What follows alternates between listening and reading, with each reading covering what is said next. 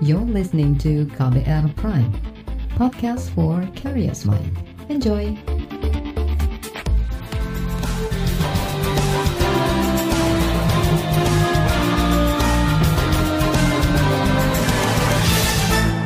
Halo saudara, senang sekali kami bisa menyapa Anda kembali dalam program KBR Sore edisi Selasa 8 Juni 2021. Saya Aika Renata kembali menemani Anda selama kurang lebih 30 menit ke depan. Sore ini kita menyoroti penanganan lonjakan kasus COVID-19 di Indonesia. Di sejumlah daerah kenaikan kasus positif terus terjadi dengan peningkatan mencapai 50 hingga 80 persen.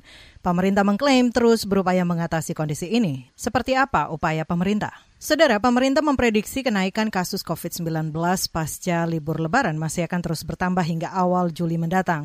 Kondisi ini dibahas khusus dalam rapat koordinasi para menteri dengan Presiden Senin kemarin. Menteri Kesehatan Budi Gunadi Sadikin mengklaim pemerintah telah menyiapkan skema penanganan seperti menambah ketersediaan ruang perawatan khusus COVID di semua rumah sakit hingga ketersediaan stok obat. Kita sudah menyadari dan sudah mempersiapkan adanya peningkatan kasus pasca liburan.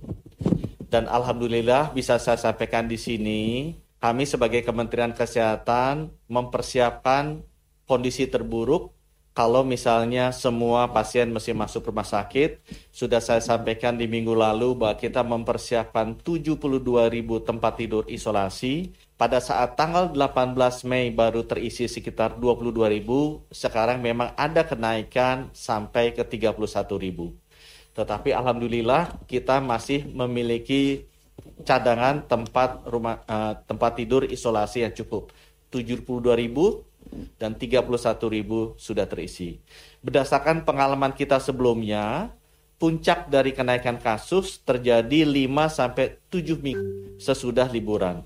Jadi perkiraan kita, kita masih akan melihat adanya kenaikan kasus ini sampai akhir bulan ini atau awal bulan depan dengan persiapan yang sudah kita lakukan. Budi Gunadi menambahkan pemerintah pusat dan daerah tengah menjalankan strategi transfer di mana penanganan pasien COVID-19 yang membludak di satu daerah akan dipindah ke daerah yang berdekatan agar bisa ditangani dengan baik. Memang ada beberapa daerah atau beberapa klaster yang terjadi peningkatannya cukup tinggi.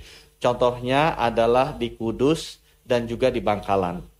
Khususnya Kudus yang sebelumnya rumah sakitnya hanya terisi sekitar 40-an, Kemudian dalam satu setengah minggu terakhir naik cukup tinggi sampai sekitar 350-an.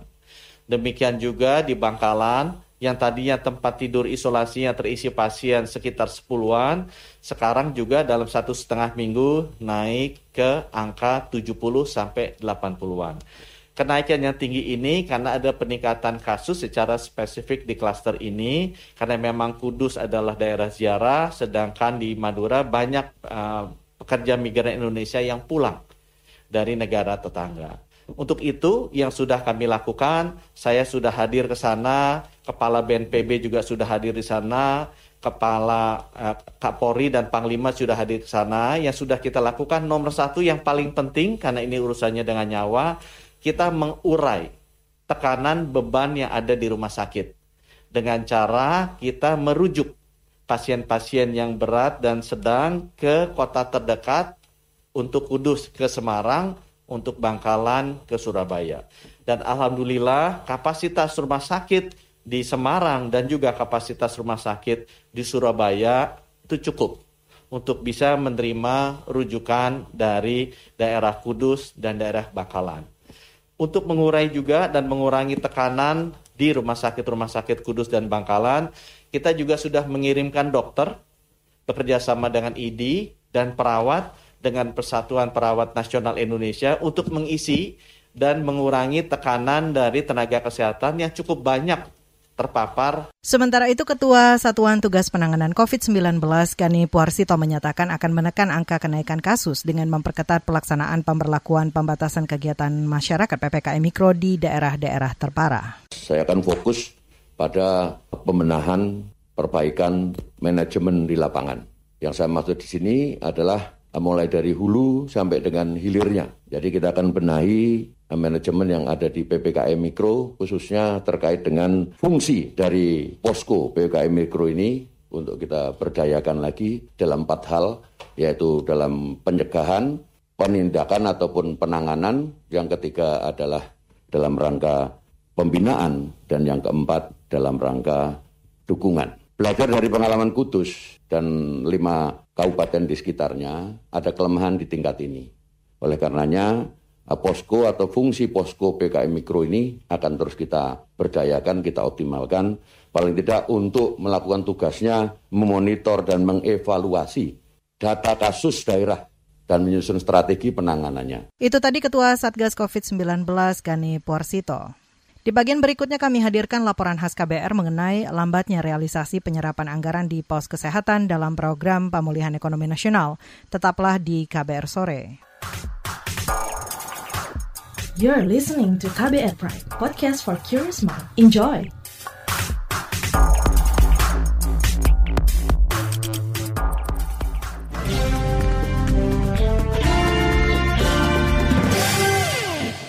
Realisasi serapan di pos kesehatan tahun ini masih rendah, padahal pos kesehatan mendapat porsi yang besar dalam program pemulihan ekonomi nasional PEN 2021. Pemerintah pun kembali diingatkan agar sektor kesehatan tidak diabaikan di tengah masih tingginya kasus COVID-19. Berikut laporan khas KBR yang disusun Heru Haitami. Pemerintah telah merilis penyerapan program pemulihan ekonomi nasional PEN dari dampak pandemi COVID-19 tahun ini. Realisasi penyerapan program PEN mencapai 29,9 persen atau sekitar 209 triliun rupiah dari total anggaran sebesar 699 triliun rupiah lebih di 2021. Menteri Koordinator Bidang Perekonomian Erlangga Hartarto merinci, dari capaian itu, anggaran pos kesehatan baru mencapai 18,8 persen atau 33,5 triliun rupiah dari pagu sebesar 175,84 triliun rupiah. Pelaksanaan dari program PEN itu telah mencapai 29,9 persen dari pagu atau naik 86,7 triliun dari kuartal pertama yang mencapai 123,26 triliun. Demikian pula dengan kegiatan-kegiatan di sektor yang terkait dengan di 6, 5 sektor. Kesehatan sudah mencapai 18,8 persen realisasi, perlindungan sosial 39,2 kemudian prioritas program prioritas 28 persen, dukungan korporasi 21 persen, dan insentif untuk usaha sudah 79,9 persen. Dari realisasi PEN 2021 itu, Lembaga Pemantau Ekonomi Indef menilai masih banyak yang harus diperbaiki pemerintah, terutama di sektor kesehatan. Ekonom Indef Tauhid Ahmad menyebut, sejak tahun lalu, penyerapan dana PEN untuk pos kesehatan selalu berjalan lambat. Uh, dibandingkan program-program pen lain ini seperti halnya tahun lalu selalu kesehatan yang uh, paling lambat begitu. Saya kira ini belum ada terobosan yang genuin untuk mengatasi lambatnya di uh, program kesehatan. Tauhid menyebut keterlambatan serapan PEN 2021 sektor kesehatan lantaran sulitnya prosedur klaim untuk pencairan dana ke tiap-tiap rumah sakit. Hal itu juga yang membuat realisasi PEN kesehatan tidak optimal sejak tahun lalu. Indef lantas mendorong pemerintah segera mencari jalan keluar terkait masalah tersebut. Uh, proses misalnya ya verifikasi ya untuk klaim rumah sakit, kemudian itu yang administrasi saya kira itu harus benar-benar disiapkan. Jadi rumah sakit itu harus didampingi bagaimana proses klaim itu bisa cepat, reimburse itu bisa cepat, kemudian proses vaksinasi juga bisa berjalan cepat begitu. Jadi kan kalau kalau misalnya reimburse susah, ya dia agak sedikit lambat untuk pengajuan tahap-tahap berikutnya kan. Kalau kita mengajukan itu yang misalnya bulan lalu reimbursenya mana atau administrasinya mana. Jadi untuk pengajuan yang baru juga ag agak sedikit yang terhambat. Saya kira uh, problemnya di situ aja. Di sisi lain, ahli epidemiologi Universitas Erlangga Surabaya, Laura Nafika Yamani mengatakan, dana yang disiapkan pemerintah dalam pemulihan ekonomi bisa digunakan untuk penanganan pandemi COVID-19. Apalagi, lonjakan kasus COVID-19 pasca lebaran mesti diwaspadai sementara penanganan di tingkat bawah sangat kurang lantaran terbatas oleh anggaran. Ya, saya rasa uang ini bisa dialihkan untuk penanganan COVID-19 yang uh, mungkin lebih serius gitu kan. Apalagi di level-level bawah, misalkan di RT RW, karena kita tahu bahwa ya ini kan juga terkait dengan anggaran ya. Mungkin tidak bergerak ya karena tidak ada anggaran seperti itu. Jadi ya kalau bisa dialokasikan ke yang lebih tepat ya upaya untuk uh, penanganan dari COVID-19. Demikian laporan khas yang disusun Heru Haitami. Saya Sindu Darmawan. Saudara beberapa daerah di Pulau Jawa, Kalimantan hingga Papua tengah mengalami kenaikan kasus COVID-19. Para kepala daerah mulai mempersiapkan fasilitas kesehatan mengantisipasi adanya lonjakan pasien. Simak informasinya sesaat lagi, tetaplah di KBR Sore. You're listening to KBR Pride, podcast for curious mind. Enjoy!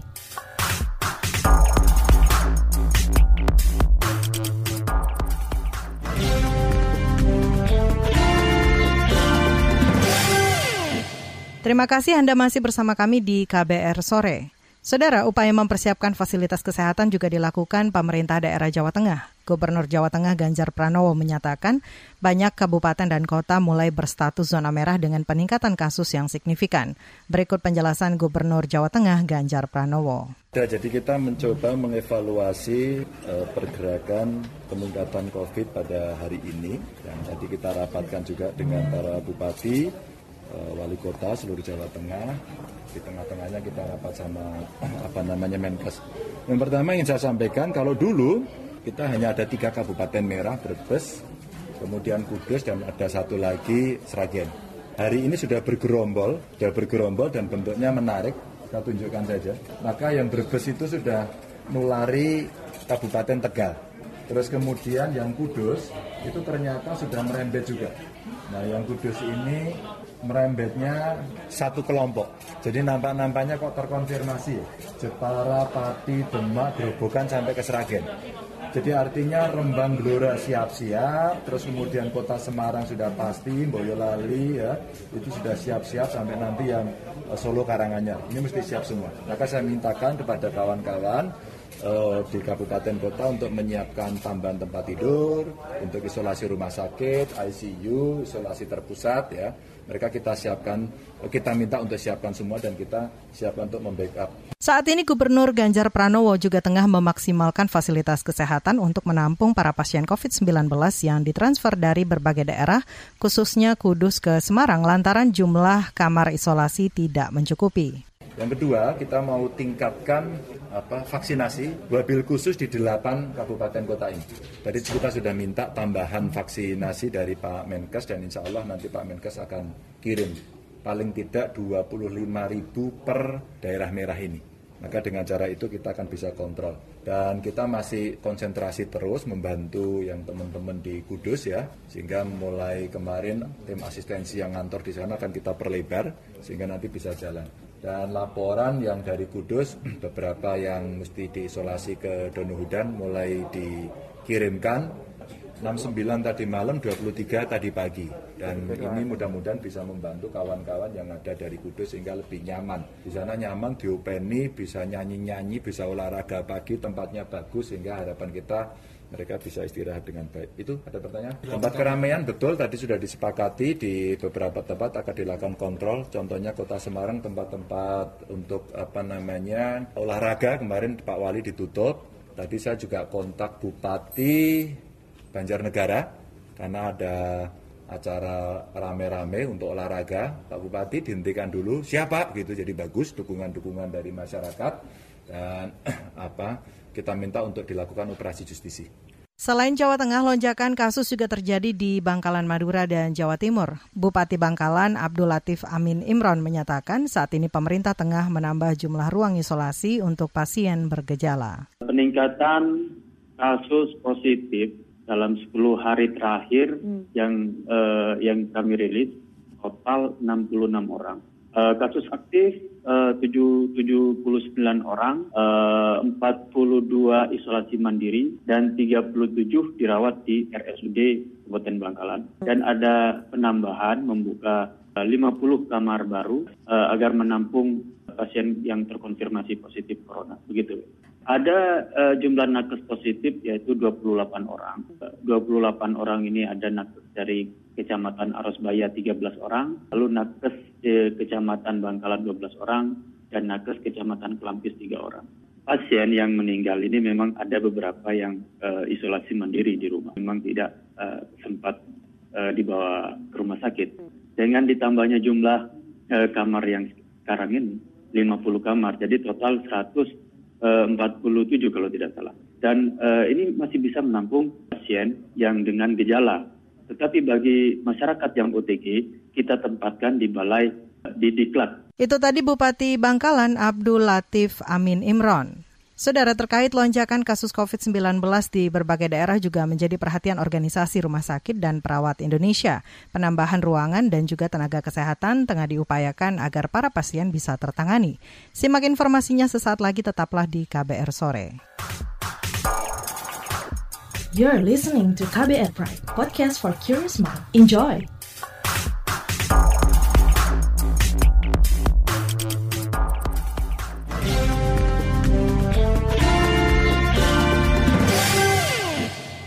Anda masih mendengarkan KBR Sore. Saudara, Sekretaris Jenderal Perhimpunan Rumah Sakit Seluruh Indonesia Persi, Lia G. Partakusuma menyatakan rumah sakit di sejumlah daerah mulai kewalahan menghadapi kenaikan jumlah pasien COVID-19. Menurut Lia, untuk mengantisipasi lonjakan kasus di rumah sakit sangat kompleks, bukan sekadar perkara menambah kapasitas tempat tidur. Butuh kesiapan dan kerjasama dari semua pihak. Berikut wawancara jurnalis KBR Astri Septiani dengan Sekretaris Jenderal Persi, Lia G. Partakusuma. Sementara itu terkait adanya kekurangan tenaga kesehatan di sejumlah daerah, Ketua Tim Penanganan COVID-19 DPP Persatuan Perawat Nasional Indonesia PPNI Jaja Sudrajat menyatakan PPNI akan membantu pemerintah baik pusat maupun daerah untuk merekrut relawan yang kemudian akan disebar ke berbagai daerah yang dibutuhkan seperti Jawa Tengah dan Jawa Timur. Ia menambahkan opsi penempatan SDM secara silang antar daerah dimungkinkan jika memang dibutuhkan. Kasus COVID tercatat meningkat di sejumlah daerah, dok. Kemudian bagaimana persiapan dari pihak rumah sakit skemanya untuk uh, menangani lonjakan pasien COVID-19? Uh, tim COVID ya dengan manajemen rumah sakit itu pasti akan mencoba membaca data ya. Data itu artinya satu data misalnya di provinsi yang di rumah sakit dan tempat kita berada ini kasusnya bagaimana. Nah, kemudian kalau data itu ternyata signifikan untuk kita harus merubah strategi kamar, Nah, kita akan melakukan perubahan. Kan sudah ada aturan dari Kementerian Kesehatan kalau misalnya bor atau bed occupancy rate kita lebih dari 80 persen, artinya kita harus sudah menyediakan uh, jumlah tempat tidur 40 persen, dan kemudian juga untuk ICU-nya kita harus menyiap, menyiapkan sekitar 25 persen. Nah, kemudian untuk bor, oh, jadi bor itu akan mengikuti berapa kapasitas tempat tidur kita yang harus kita sediakan untuk COVID. Nah, mungkin saja kita harus mengalihkan. Nah, kemudian setelah itu kita harus periksa logistik, logistik, obat, alat pelindung diri, terus kemudian juga oksigen, ya. Kemudian juga kita mesti periksa juga SDM. Nah, untuk nakesnya sendiri, ya tentu kita uh, kalau misalnya ada satu yang positif, kita lakukan namanya kontak tracing untuk internal. Kemudian satu lagi yang kita juga harus kerjakan adalah uh, menyesuaikan fasilitas. Nah, kan kalau fasilitas COVID itu mereka kan tidak boleh sama ya dengan alur yang non COVID ini sangat kompleks ya yang dilakukan oleh rumah sakit. Jadi bukan hanya sekedar artinya merubah kapasitas tempat tidur, tapi banyak hal yang kami harus lakukan. Nah, kemudian setelah internal itu baru kita lakukan koordinasi eksternal. Nantinya akan melibatkan pemerintah provinsi, misalnya Satgas COVID dan lain-lain. Uh, satu lagi juga sistem rujukan. Kemudian daerah mana saja dok yang rumah sakitnya sudah mulai melaporkan lonjakan eh, pasien COVID-19 dan apa saja kendala dari rumah sakit-rumah sakit tersebut? Ya sekarang kalau kita lihat memang angka nasional sih bornya 40 persen ya memangnya nggak nggak atau belum tinggi banget. Tapi kalau dilihat dari mulai angka-angka uh, per provinsi itu ada tujuh provinsi yang memang akhirnya mereka tuh mulai kewalahan gitu karena mereka sudah di angka lebih dari 50 persen bornya. Dan kalau kita lihat Jawa Tengah, mungkin Jawa Barat ya, mungkin DKI ini, uh, mungkin Jawa Timur itu kalau yang walaupun provinsinya mungkin hmm, secara keseluruhan hanya 50% atau 60%, tapi kalau dilihat satu persatu per rumah sakit itu banyak yang sudah lebih dari 100% bornya. Nah, contohnya ada di Kudus, ya, contohnya ya kan, udah ada di Bangkalan. Kemudian juga kita lihat beberapa Jawa Tengah seperti di Rembang dan beberapa daerah lain itu sudah sudah banyak yang tidak sanggup merawat pasien COVID. Sehingga harus dilakukan uh, rujukan harus dikirim ke rumah sakit lain lebih besar. Seperti di Bangkalan mereka kirimlah ke Surabaya misalnya. Atau di, dari Kudus mereka kirimlah ke Semarang. Nah itu yang sekarang ini sedang dilakukan. Tapi tentu itu harus didorong juga sama bantuan Satgas sama pemerintah provinsi karena tidak semua pasien itu mau dirawat dirujuk pindah kota kan? Atau pindah tempat itu jadi konflik ini saya pikir uh, masalah ini bukan hanya masalah rumah sakit ya tapi juga masalah sama-sama gitu nggak mungkin rumah sakit cuma menolong hanya ngobatin saja, tapi ini ternyata dampaknya juga ada masalah sosial. Jadi uh, ya mudah-mudahan sih jangan jangan merasa bahwa misalnya rumah sakit siap pun itu sudah selesai gitu persoalan. Tapi banyak yang memang harus diurut gitu dari awal. Lebih baik lebih baik tidak uh, tidak ada pasien COVID atau menurunkan pasien COVID daripada silahkan ber apa namanya COVID rumah sakit siap gitu. Itu yang saya uh, mungkin agak sedikit protes ya kami dari rumah sakit karena tidak semudah itu untuk menambah sekedar tempat tidur. Tapi banyak masalah yang harus dibicarakan uh, lintas sektor. Lalu bagaimana Persi memantau daerah-daerah yang seperti tadi mengalami kendala dalam mengatasi lonjakan pasien COVID-19? Ya, kebetulan kami alhamdulillah kan uh, dilibatkan ada weekly meeting ya dari Kementerian Kesehatan. Kemudian kami juga mendorong semua rumah sakit itu untuk melapor ke rumah sakit online atau ke new all record. Jadi data-data terpadu lah ya. Sehingga kami bisa tahu uh, berapa pergerakan dari uh, rumah sakit-rumah sakit yang sudah mulai penuh. Dan kalau misalnya biasanya kalau rumah sakitnya sudah mengalami kesulitan, mereka juga suka kontak dari uh, PRC dan biasanya suka ada pertemuan per provinsi nanti di sana kita akan menghimbau misalnya apa yang harus dilakukan oleh rumah sakit tersebut. Jadi ya kami mengharap bahwa bukan hanya sekedar uh, bahwa semua pasien itu harus ditampung di rumah sakit.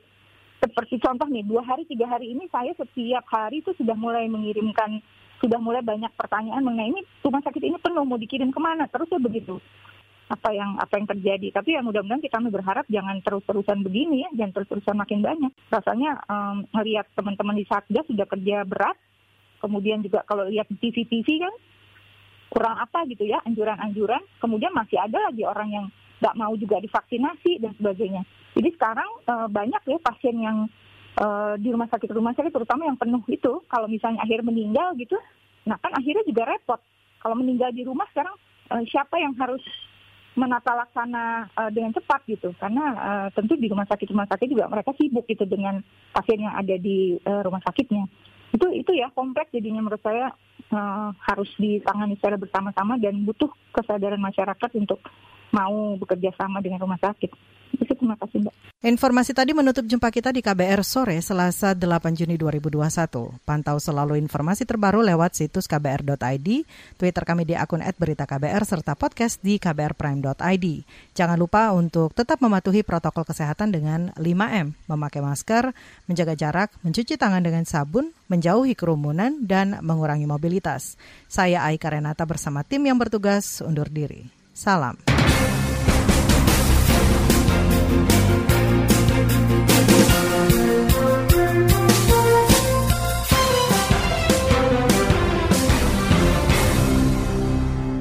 KBR Prime, cara asik mendengar berita. KBR Prime, podcast for curious mind.